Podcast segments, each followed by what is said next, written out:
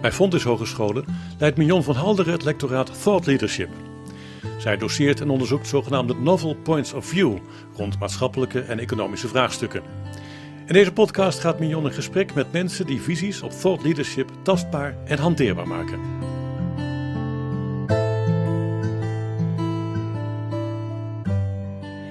Aan de keukentafel heb ik Yvonne Nielen. Yvonne is al 12,5 jaar werkzaam in een wereld waarin afval eigenlijk niet bestaat. En dan heb ik het over het mooie Renewy. Persoonlijk raakte ik zo ongeveer 10 jaar geleden gefascineerd door dit bedrijf. Renewy was toen nog de oude Van Gansenwinkel, misschien ken je het nog. En dit Nederlandse afvalverwerkingsbedrijf uit 1964 kwam zo'n 10 jaar geleden met nogal een onconventionele zienswijze op afval. Namelijk dat afval niet bestaat. Dat was onconventioneel, want ik weet niet hoe het voor jou is, maar in mijn beleving was, is afval overal. In mijn prullenbak, in de stadscontainers waar ik mijn vuilniszakken in kieper, in de flessen wijn, de pindakaaspotjes die ik langs de kant van de weg zet. Dus zeggen dat afval niet bestaat, gaf in ieder geval mij destijds een ander brilletje op. Maar goed, een wereld waar afval niet bestaat, is tegenwoordig iets waar we in onze samenleving steeds meer naar streven. Dat is namelijk die circulaire economie. En Renewy neemt daarin in onze optiek een thought leading rol. En daarom ben ik heel blij om Yvonne vandaag te spreken in de week van de circulaire economie. En we gaan met haar in gesprek over hoe je je klanten en stakeholders meeneemt in die nieuwe manier van denken en opereren. En dat doen we vanuit haar marketingperspectief. Yvonne, welkom. Ja, leuk om je te zijn. Jij bent conceptmarketeer. Klopt. En kun je me eens uitleggen waarom conceptmarketeer en niet gewoon marketeer? Wat maakt jou een conceptmarketeer? Um, nou, what's in a name zeg ik eigenlijk al als, altijd als eerste. Maar een conceptmarketeer betekent bij ons uh, dat ik me bezighoud met uh, verhalen creëren en vertellen... Uh, die gaan over de weg van afval naar grondstof en uiteindelijk tot nieuwe producten. En dat inhoudelijk en visueel. Ik wil je nog feliciteren, want jij was finalist in de beste Brabantse marketeer 2020 binnen het maatschappelijke domein. Wat maakte het dat jij door kiezers was genomineerd? Um, ja, dat is natuurlijk een vraag die ik niet goed kan beantwoorden. Maar ik heb wel begrepen dat ik uit meerdere, door meerdere mensen genomineerd ben. Uh, uit verschillende hoeken. Dus ook zowel zakelijk, collega's uit mijn netwerk, maar ook privé hebben mensen me genomineerd. Dus ja, dat moet komen, denk ik, doordat je verhalen aankomen. Doordat je toch een behoorlijk bereik hebt met wat je wil vertellen. Ja, ja, ja, want jij bent echt een verhalenverteller, hè? Jij werkt al 12,5 jaar bij Renewy, dat is een lange tijd. Klopt. En over de afgelopen tien jaar heeft Renewy zich weten te transformeren van een afvaldienstverlener, hè, want jullie haalden afval op en distribueerden dat in feite, naar een bedrijf dat van afval nieuwe producten, nieuwe grondstoffen maakt, hè, moet ik eigenlijk zeggen. Ja. Van de 14 miljoen ton afval die jullie jaarlijks verwerken, wordt, ik geloof, 89% gerecycled. Of gebruikt voor energieherwinning? Nou, daar zal het ongeveer liggen. Ik geloof dat wij 92 of 93 procent uh, zelfs stellen. Uh, maar daar ligt het ergens tussen de 85 en de 95 procent. En um, um, ja, we proberen zoveel mogelijk afval eerst een nieuw, nieuw leven te geven in een nieuw product. En bij al, bij al het afval wat dat, waarbij dat niet lukt, ja, daar wordt een energiebron voor gezocht. Inderdaad. Ja. Dus dan ga je toch naar verbranding toe ja. of zo. Maar primair echt in het recyclen ja, upgraden van dat afval weer, zeg maar, tot nieuwe producten. Ja, en tien jaar geleden was dat nog niet zo, hè, in deze zin. Um, en, en nou heb ik toch de vraag, waarom kozen jullie er in een wereld eigenlijk, hè, waar alles nog draaide om economische waarde, waarom kies je dan voor een duurzaamheidsstrategie als dit, gericht op recycling? Want weet je, om even advocaat van de duivel te spelen, het is toch veel goedkoper om alles in de verbranding te gooien of naar Afrika te sturen, is het niet? Um, nou, sowieso afval naar Afrika sturen is nooit een optie geweest voor onze organisatie. Uh, dat heeft ook met een stukje normen en waarden te maken. En uh, ja, dat doe je niet. Hè, want daar krijgt het afval niet de behandeling die het zou moeten hebben. Um, en niks verder ten nadele van Afrika natuurlijk, maar daar zijn ze gewoon niet zo ver als dat wij zijn. Dus dat is nooit een optie geweest. En, maar grappig dat je zegt dat daar geen economisch model in zit. Terwijl um, wij dat juist wel hebben gezien. Mm -hmm. um, Misschien moet je eigenlijk een stapje terugnemen. We gingen altijd op zoek naar, uh, naar een goede oplossing uh, om iets nieuws te maken van dat afval. Want hoe meer je weer afval kan inzetten als een grondstof, hoe meer waarde je weer toekent aan iets wat eigenlijk geen waarde meer had. Ja, want jij zegt ook, al die grondstoffen zijn heel schaars, hè? Dat, je hebt heel veel grondstoffen die ook heel schaars zijn, maar als je op die manier gaat kijken naar alle materialen en gaat zoeken naar een nieuwe toepassing, dan uh, ja, kun je er weer nieuwe producten van maken.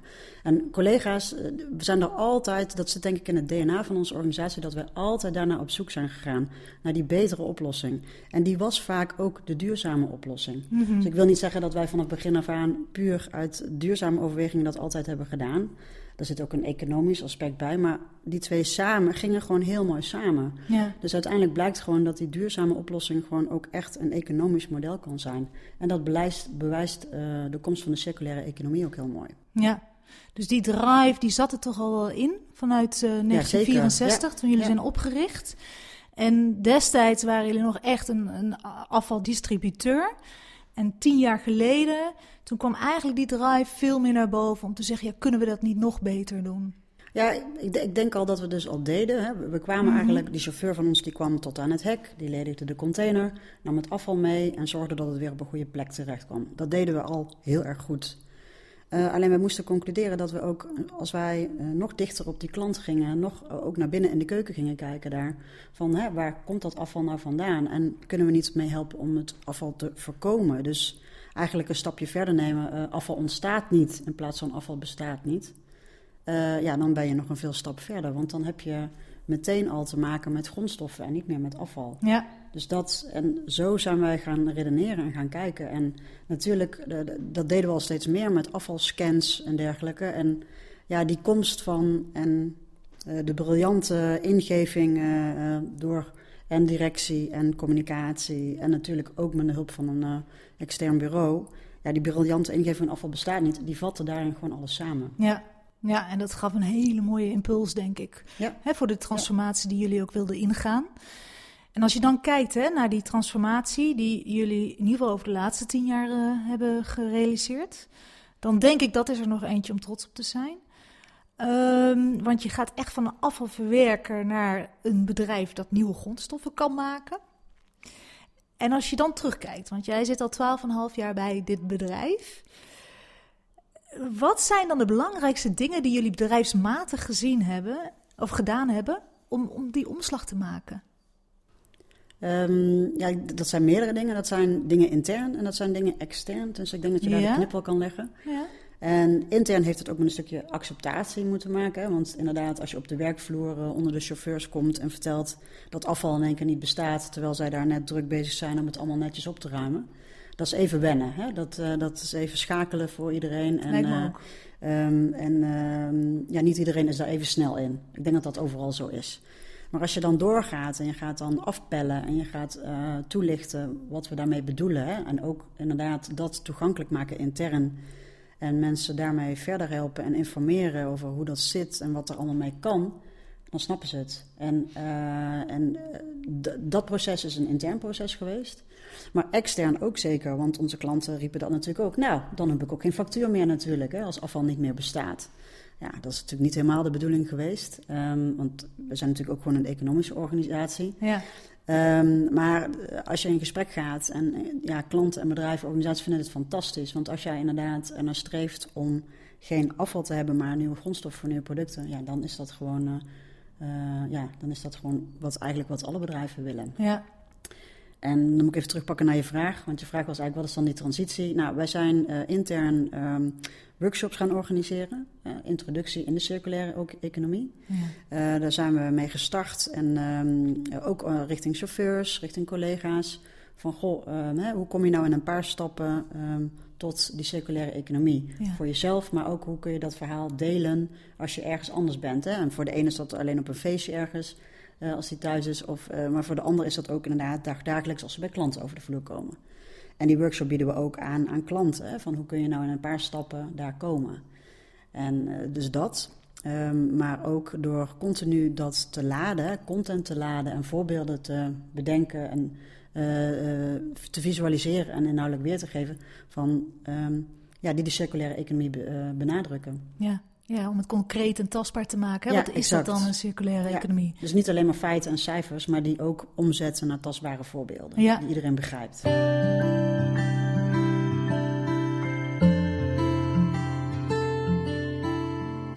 En dan weet ik als marketeer dat jouw uitdaging ook echt ligt bij je klanten en je stakeholders.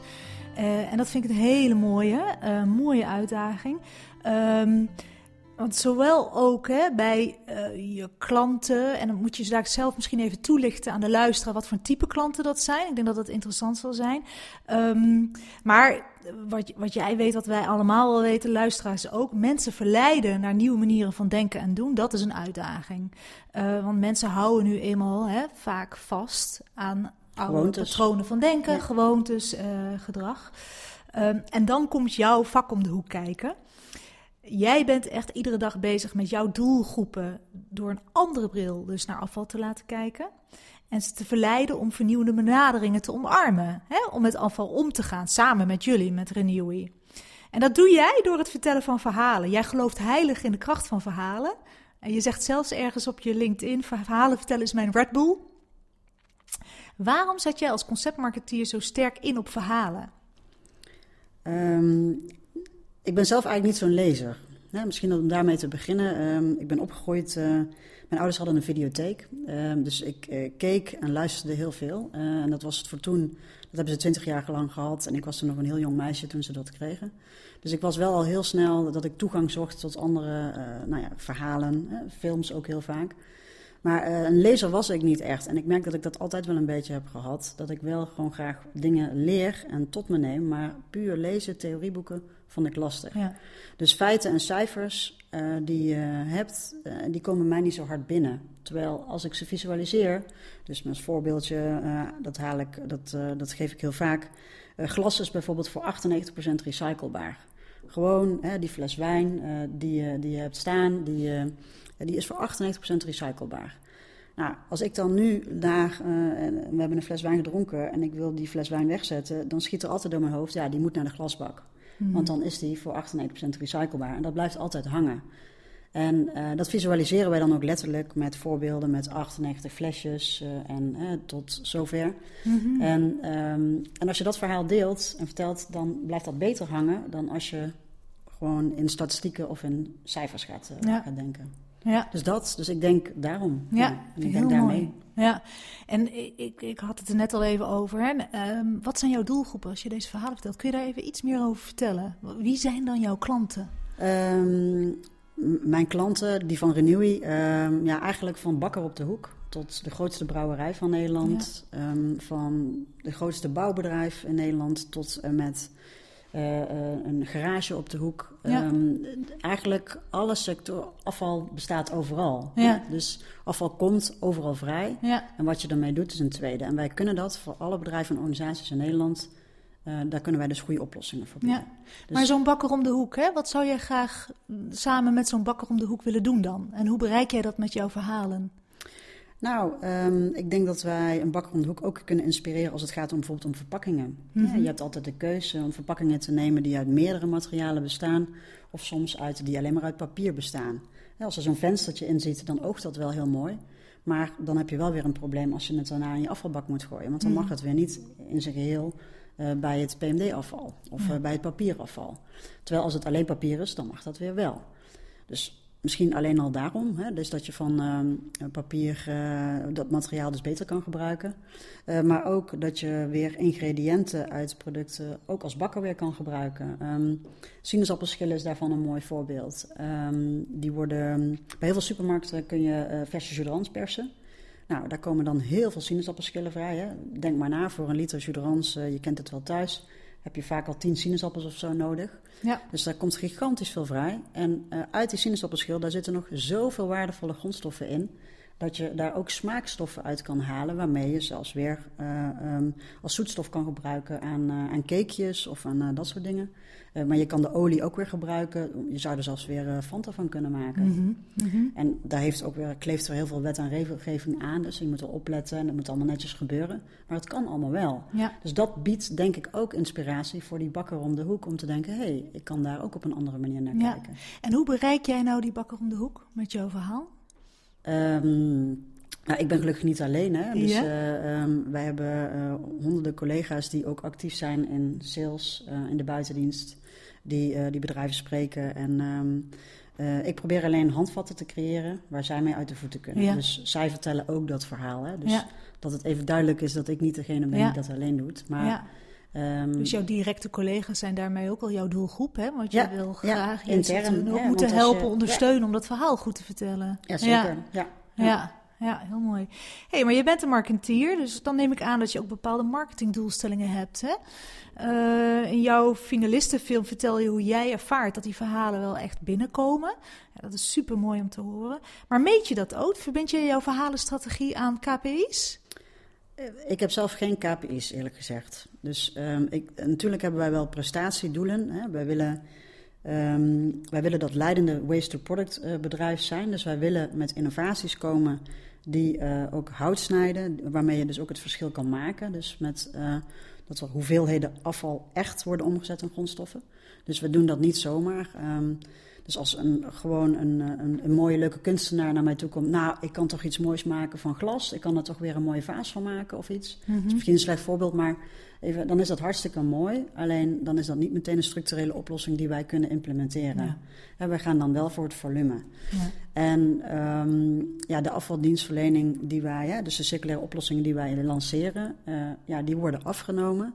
En daar komen daadwerkelijk heel veel nieuwe producten uit. En ja, dat zie ik dan als mijn persoonlijke KPI, dat als dat lukt en als daar nieuwe producten uitkomen en die worden ook weer gekocht en verkocht, ja, dan is dat eh, gewoon eh, voor mij eh, Ja. voldoende. En, en als mijn collega's vinden dat het niet klopt of niet genoeg is, dan hangen ze al gisteren aan de telefoon. Ja. Dus dat ze nog meer of dat het nog duidelijker moet. Dus ik heb daarin inderdaad.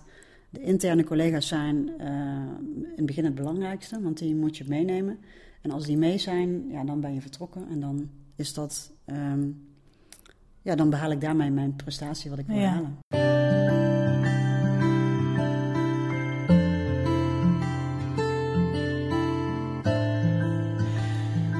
Over verhalen vertellen nog Ehm, ik, ik ben zelf altijd best wel onder de indruk geweest van het boek van eh Annette Scheringa, eh, Story Power. Ik denk, ehm, zij, zij praat daar over de kracht van verhalen en zegt eigenlijk dat, in de, dat de kracht van verhalen wordt bepaald door acht eigenschappen. Nou ga ik niet in op die eigenschappen in deze podcast. Het is wel een heel handzaam boek voor professionals en studenten die, eh, die zich bezighouden met verhalen vertellen, storytelling. Uh, maar één van de eigenschappen die zij noemt is verhalen framen en geven richting, zegt ze, waardoor mensen in beweging komen. Dat vind ik wel heel mooi. Hè? Je framet iets, dat is al met afval bestaat niet. Hè? Dat is een frame wat je oplegt uh, op, uh, op afval. Um, je geeft richting, waardoor mensen perspectief krijgen, met jou mee in beweging gaan. Dat is wat jij wil bereiken in je verhalen, volgens mij. Kun jij nou een voorbeeld geven dat je ziet dat mensen daadwerkelijk door jouw verhaal in beweging zijn gekomen? Wat zat er dan specifiek in dat verhaal, wat dat maakt? Ik, ik, denk dat je, ik denk dat je vertelt, nou ja, dat je eigenlijk visueel maakt door een verhaal te vertellen wat je wil bereiken. Mm -hmm. en, um, um, en vaak is een verhaal niet eens alleen de kern van het stuk, hè, maar een verhaal moet triggeren om je er meer in te kunnen verdiepen. En zo, ik zie het echt als middel. Um, ja. Want een verhaal, door een mooi verhaal te vertellen, kun je de aandacht vestigen op iets. En eentje die, um, is, die ik zelf op zich wel heel leuk en bijzonder vind, is, um, is een blog wat ik ooit heb geschreven over een handzeepje. Ja, wat toevallig ook gemaakt is uit sinaasappelschillen. En daar krijg ik nog steeds reacties op van mensen. En uh, nog steeds komen mensen op terug, ja, ja, dat van dat handzeepje. En dan denk ik, nou, weet je, dan is dat in ieder geval blijven hangen. Want mensen koppelen dat wel dan ook weer aan, oh ja, dat kwam uit die sinaasappelschillen. En als ze daar meer van willen weten, dan is dat de volgende stap. Dus een verhaal hoeft in, uh, in essentie niet meteen uh, je totale boodschap te zijn, maar moet je wel uitnodigen om naar dat totale verhaal te kijken. Ja, ja. Dus, ja. Dus, dat. dus handen wassen na het plassen was dat verhaal. Handen ja. wassen na het plassen, heerlijk. Ja, ja. waar je ook uh, je eigen persoonlijke ervaringen in mee had genomen. Hè? Ja, klopt. Dat, ja, uh... doe ik wel vaker ook hoor, met mijn dochter. Uh, ja. Vind ik ook een enorme inspiratiebron als het gaat om ja. ja, afval en de toekomst die zij dan heeft. Dat heeft gewoon wel een heel erg belangrijke rol in eh, waarom je dingen ook doet. Ja, denk ja ik. ik denk dat, je daar, eh, dat dat heel mooi is. Want juist die generatie, die moeten we meenemen in, eh, Ja. in die circulaire economie. Wat ik ook een heel mooi verhaal vond, is het verhaal over de matrassen. En ehm, daar kun je misschien wat meer over vertellen. Ehm, en wat ik er zo interessant aan vind, en ik, ik ben, ben benieuwd naar jouw reactie daarop, is dat jij, jij laat echt ook in je verhalen zien wat mogelijkheden zijn rondom circulaire economie. Want het klinkt allemaal heel mooi, een circulaire economie, maar je wil het juist dicht bij mensen brengen. Ja, en laten zien maken. wat kan, hè? Ja, Ja, en ja. wat mogelijk is. Dat matrassenverhaal, kun je daar wat meer over vertellen? Dat matras wel. Ehm, nou ja, matrassen zijn eh, even, dat is misschien even een introductiestapje. Ehm, eh, iedereen heeft een matras natuurlijk thuis. Eh, je gaat ook op hotel of overal. eh, ja, nu even niet misschien, maar dan weer wel.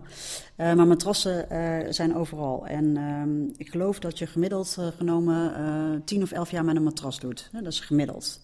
Ehm, eh, sommige mensen doen er langer mee, maar dat is gemiddeld. Dus er komen jaarlijks anderhalf miljoen matrassen vrij. In Nederland alleen al. Dus dat is gigantisch. Eh, maar matrassen die bestaan vaak, eh, oudere matrassen bestaan ook nog vaak uit wat staal. Hè, die, die stalen veren die erin zaten. Uit textiel en uit een eh, soort foam.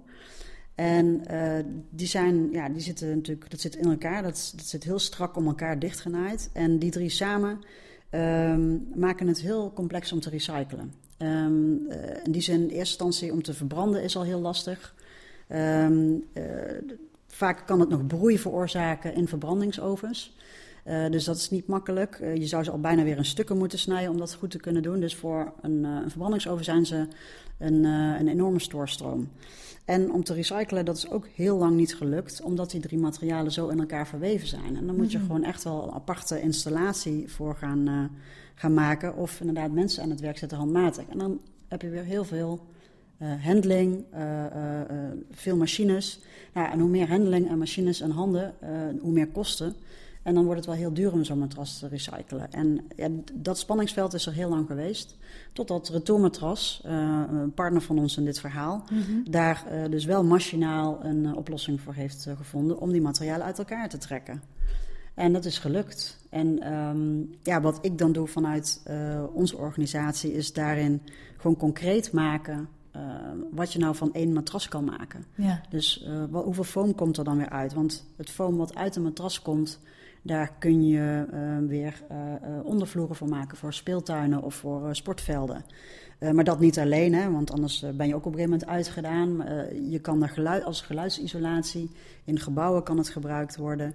Eh, als dakisolatie zijn ze aan het kijken. En daar zijn nog heel veel, oneindig veel mogelijkheden die ze aan het onderzoeken zijn. Want uiteraard meubels eh, zou ook weer heel wenselijk zijn.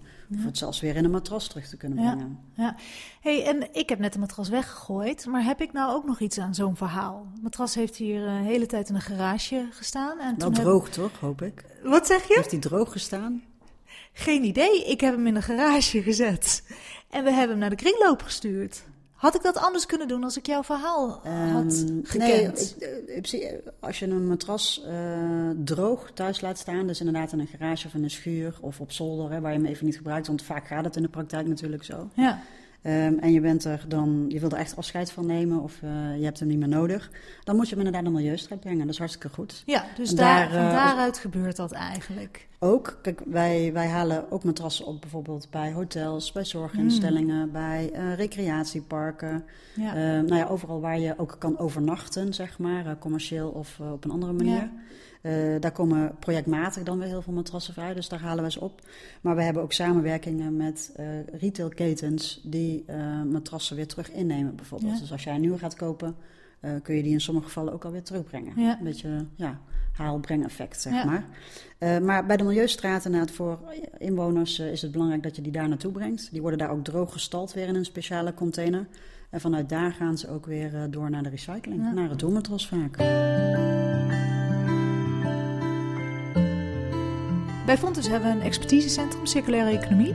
Ik geloof dat we met jullie ook eh, samenwerken. Ja. En een belangrijke kennislijn daarin is ook gedragsverandering naar duurzaamheid. Hè? Gedragsverandering van ehm, eh, bedrijven, burgers, consumenten. Wat zie jij als conceptmarketeer als jouw belangrijkste uitdaging als het gaat om gedragsverandering rondom duurzaamheid? Ja, dat is een hele goede vraag. Ehm, ik denk dat dat is eh, om oude gewoontes te kunnen veranderen. En, ehm, en ervoor te zorgen dat die verandering dus ook vanzelfsprekend gaat worden in de toekomst. Ja. En, en ik weet niet of verhalen daar alleen toe gaan bijdragen, hè, of dat, dat, dat het zaligmakend is. maar ze gaan in ieder geval wel een sneeuwbaleffect kunnen creëren. Want door ehm, mensen, mensen te inspireren. En het mooie is, mensen zijn niet alleen maar een inwoner, mensen zijn ook een onderdeel van een bedrijf uh, en een vriendengroep. En uh, ze hebben heel veel referentiegroepen waar ze natuurlijk een rol in nemen. En als je mensen en bedrijven kan inspireren, dan gaat dat uiteindelijk ook een sneeuwbaleffect krijgen.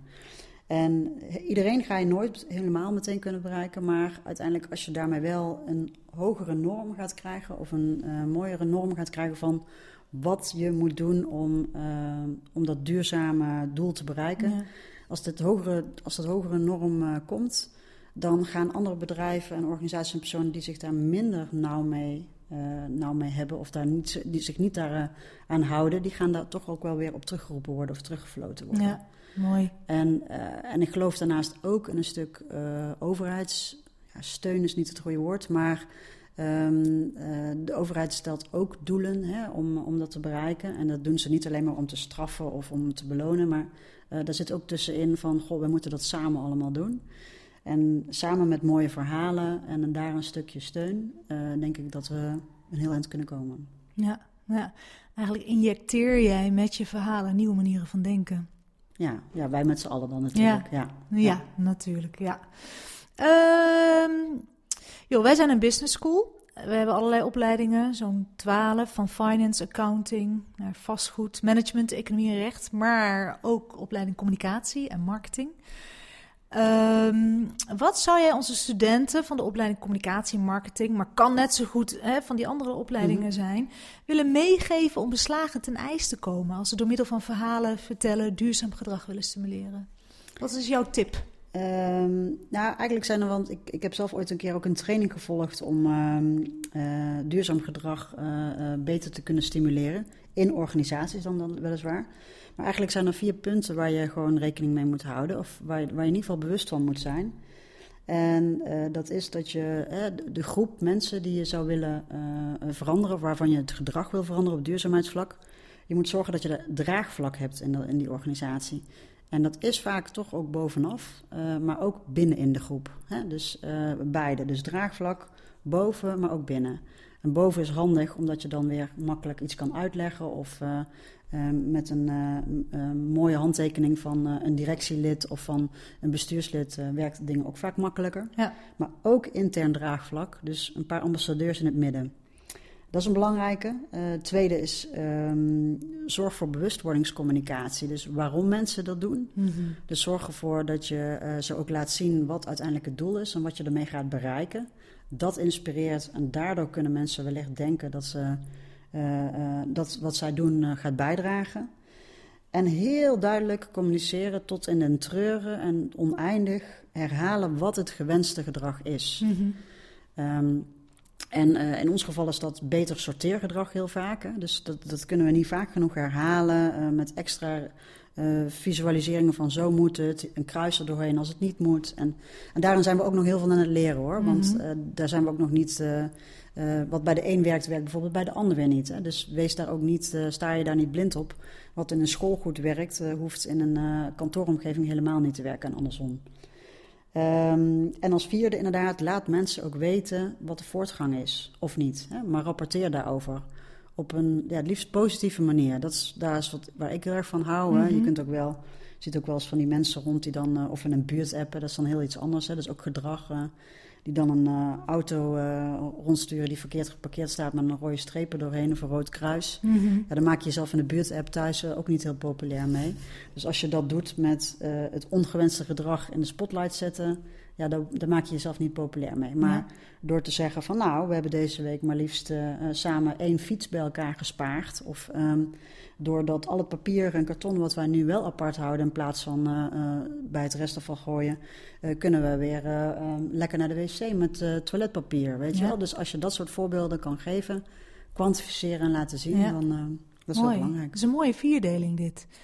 En even terug naar de derde. Ik weet niet meer precies hoe jij hem noemde.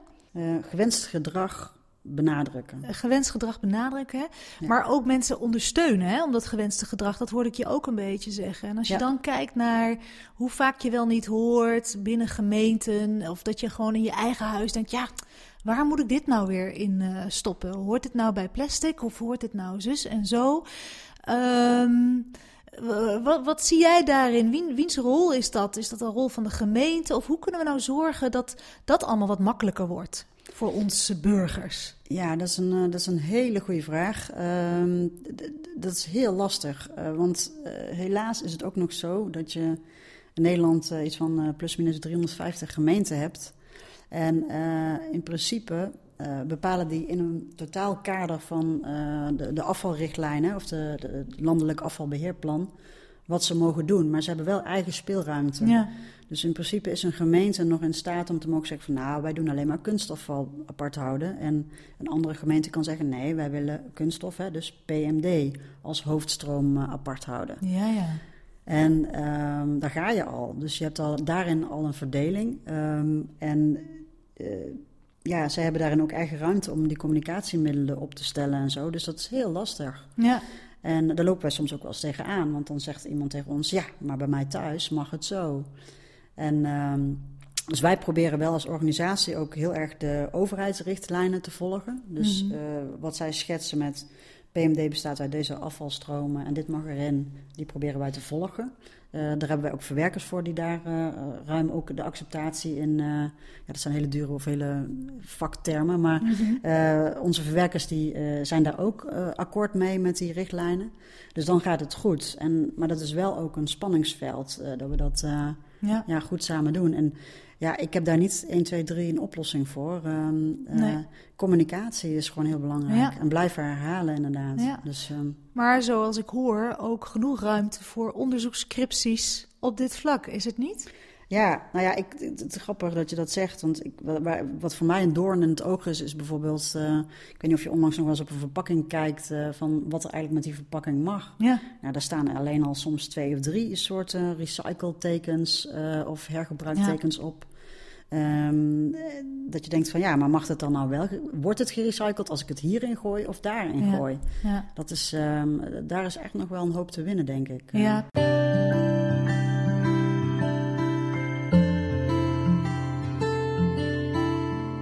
Terugkijkend, eh, Yvonne, jouw lessons learned. Zijn er ook dingen die minder goed hebben gewerkt? Wat zou je bijvoorbeeld achteraf gezien anders aangepakt hebben? En dan natuurlijk hè, is daarin de vraag: wat kunnen wij beroepsprofessionals en studenten daar nou van leren? Ja, ik, ik denk dat je goede, verhalen vertellen, goede teksten schrijven, daar kom je niet in één keer. Eh, dat is meer, eh, ja, een goede tekstschrijver met wie ik ook regelmatig werk, die eh, zegt wel eens, eh, eh, s- eh, schrappen is, is koning en je moet zorgen dat je begint. Daarna ga je schrappen, herstructureren en nog een keer en nog een keer en daarna heb je een goed verhaal. Ja. En dat Dus dat heb jij echt geleerd. Dat heb ik wel, dat heb ik zeker geleerd. Alleen, ehm, eh, dat is wel ook wel eens je struikelblok, omdat je snel iets wil doen en, eh, Ja. en soms niet de tijd, anderen gunnen je soms niet de tijd om dat te doen, of je Mhm. neemt zelf er de tijd niet voor. Maar ik heb wel geleerd dat als je kwaliteit wil leveren, dat dat ook een bepaalde tijd kost. Ja. Dus de kwaliteit, zeg ik dan altijd maar. Ja. En, ehm, ehm, en dat alle bedrijven, organisaties anders zijn. En dus dat je soms ook echt. ehm, je kan niet één eh, verbeterplan maken eh, dat voor iedereen geldt. Eh, dat is ook maatwerk. En dat kun je wel willen, maar ja, zo werkt het nou eenmaal niet. Je moet mensen meenemen en dat zijn processen. En eh, dat moet ook van binnenuit eh, bij organisaties gebeuren. En ja, als je daar gewoon vrede mee hebt dat dat gewoon een proces is, dan, eh, dan ja, dat is wel een les die ik geleerd heb. Mooi. Ja, ja, het proces heeft ook vaak tijd nodig. Ja. Ja, heel mooi. Goh joh. Hey, sinds 2019 hebben jullie een nieuwe CEO, Otto de Bond. Klopt. heet jullie CEO. Ehm, maar daarmee zijn jullie ook weer begonnen met een nieuw hoofdstuk in jullie duurzaamheidsstrategie. Eh, dat kun je terugzien in jullie jaarverslag, in jullie sustainability report. Eh, Wat zijn op dit moment, denk jij, volgens jou, jullie top drie nieuwe uitdagingen? Als Ja, renewie zijnde. Een, een, een top drie, in, ieder geval de, de allerbelangrijkste die ver bovenaan staat, Mhm. is dat wij echt die leidende rol uh, willen uh, behouden en nog meer willen ontwikkelen om van afval weer nieuwe producten te maken. Heel simpel gezegd, from waste to product. Dat is ook wat wij uh, proberen te ventileren en daarbij zoveel mogelijk innoveren. Dus ook nieuwe afvalstromen die voor nu nog een probleem vormen of die nu niet goed gerecycled kunnen worden, zoals bijvoorbeeld die matrassen waar we het eerder over hadden. Uh, zoveel mogelijk innoveren en dus daarmee zoveel mogelijk uh, van afval weer een nieuw product te maken. Ja. En dat is echt de essentie van wat wij willen. En dat is echt het, het, primaire hoofddoel. En daaronder, en er zitten wel drie belangrijke elementen aan vast. Uh, die, uh, want je kunt, het voorbeeld wat ik ook al aanhaalde. Als jij een mooi ontwerpidee hebt, een designidee voor iets hebt. Um, dan is dat nog niet meteen een circulaire oplossing die we structureel kunnen implementeren. Want mm -hmm. uh, dan is dat voor één product of voor een kleine hoeveelheid. Dus wat heel belangrijk is, is um, dat er van een bepaalde stroom ook volume is. Hè? Dus dat we uh, daarmee ook echt een probleem kunnen oplossen in, uh, in het land. volume, dus vo voldoende aanwas. Um, er moet sprake zijn van echt een nieuwe techniek. Mm -hmm. Dus dat je uh, echt iets anders en een, ja, dat het materiaal weer hoogwaardig kan inzetten tot iets anders wat nog niet bestaat. En zo'n innovatie moet voldoen aan uh, het feit dat die producten ook afgenomen gaan worden aan de achterkant. Want dat vergeten ze nog wel eens, of ze, we, uh, iedereen. Je kunt prachtig mooie uh, producten maken van, vanuit afval. Maar als geen hond ze wil, of omdat ze te duur zijn, of omdat ze nou ja, om andere redenen niet kwalitatief voor de persoon goed genoeg zijn, ja, dan, dan, dan zet het geen zoden aan de dijk. Dus ja. Uh, er moet aan de voorkant genoeg afval zijn om een oplossing uh, structureel te kunnen gaan bieden en dus daarmee een probleem op te lossen. Er moet uh, een innovatieve methode zijn en er moet afname zijn. Dus we moeten ervoor zorgen dat mensen die, ja, die producten willen. Ja. En daar, daar hebben meerdere factoren hebben daar een rol in. Niet alleen wij, maar ook bijvoorbeeld de overheid. Want Inderdaad, als je nu zeggen. kijkt naar um, plastics is een voorbeeld. Hè. Er is dat ook regelmatig in het nieuws. Uh, van plastics kun je best nieuwe materialen maken, nieuwe producten maken. Maar zolang dat de olieprijs zo laag is en zolang het zo goedkoop is dus om plastics van uh, ruwe olie weer te maken, nieuwe plastics.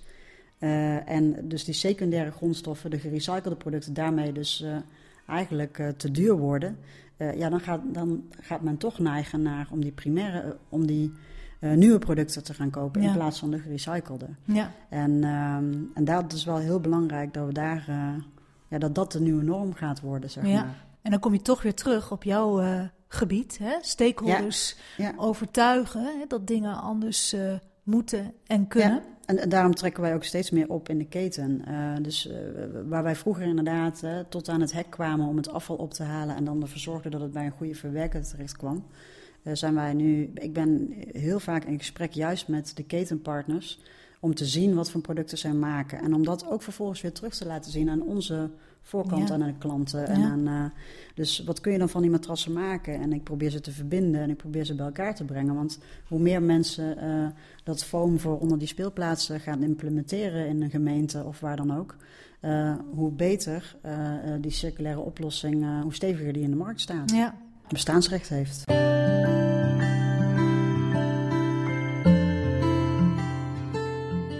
Jij bent niet zo'n eh, lezer, dat Nee. vertelde je al, hè? Eh, maar toch, zijn er wat, misschien nog wat leestips waarvan je zegt van nou, dat wil ik eh, studenten of beroepsprofessionals toch graag meegeven als het gaat om verhalen vertellen? Nou, wat ik zelf gewoon, zeker als het gaat om storytelling ehm, eh, en eh, het beïnvloeden en gedrag, ehm, dan zou ik de theorie, en of dat dan een boek is, hè, ik bedoel, hij heeft boeken geschreven, dan zou ik eens naar eh, Robert Cialdini kijken. Ja. En ja. eh, misschien dat dat al lang lesstof is of al op de agenda Altijd staat, dat weet ik niet. Maar er zijn ook heel veel blogs over geschreven met heel veel voorbeelden eh, vanuit verschillende sectoren. Dus eh, sta je niet blind alleen maar op de boeken, maar ook juist de blogs die er Ja. zijn.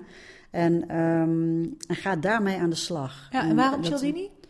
Ja, die, die is heel duidelijk en heel concreet en ook heel visueel in Mhm. zijn voorbeelden te noemen. Dus ik, ja, ik hou ervan als mensen gewoon duidelijk zijn in, eh, in, in, in hun voorbeelden en wat ze willen vertellen. Ja. Daar, daar wil ik zelf ook graag zijn. En ja, daarom vind ik dat hij daarin gewoon zeven eh, eh, methoden noemt, eigenlijk strategieën noemt, waarmee je mensen kan beïnvloeden. Ja. En daar zit altijd wel een, ehm, in alles wat je doet, zit daar wel een soort van mengeling in van wat hij daar zegt. Ja.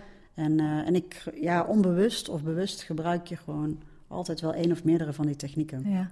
Heel Dat vind ik mooi. gewoon, eh, Yvonne, enorm bedankt. Ik vond het ontzettend leuk om jou sowieso eh, ja, tegen te komen. Eigenlijk kwam Ja. eigenlijk door de beste Brabantse marketeer dat ik jou zag. En ik dacht, nou, ik neem contact met je op. En dat was meteen een leuk gesprek, telefonisch.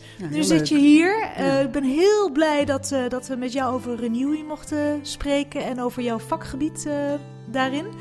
En ehm, ik weet zeker, ik blijf jou volgen. Wij blijven in gesprek. En wie weet wat daar weer uit voortkomt. Ja, heel leuk.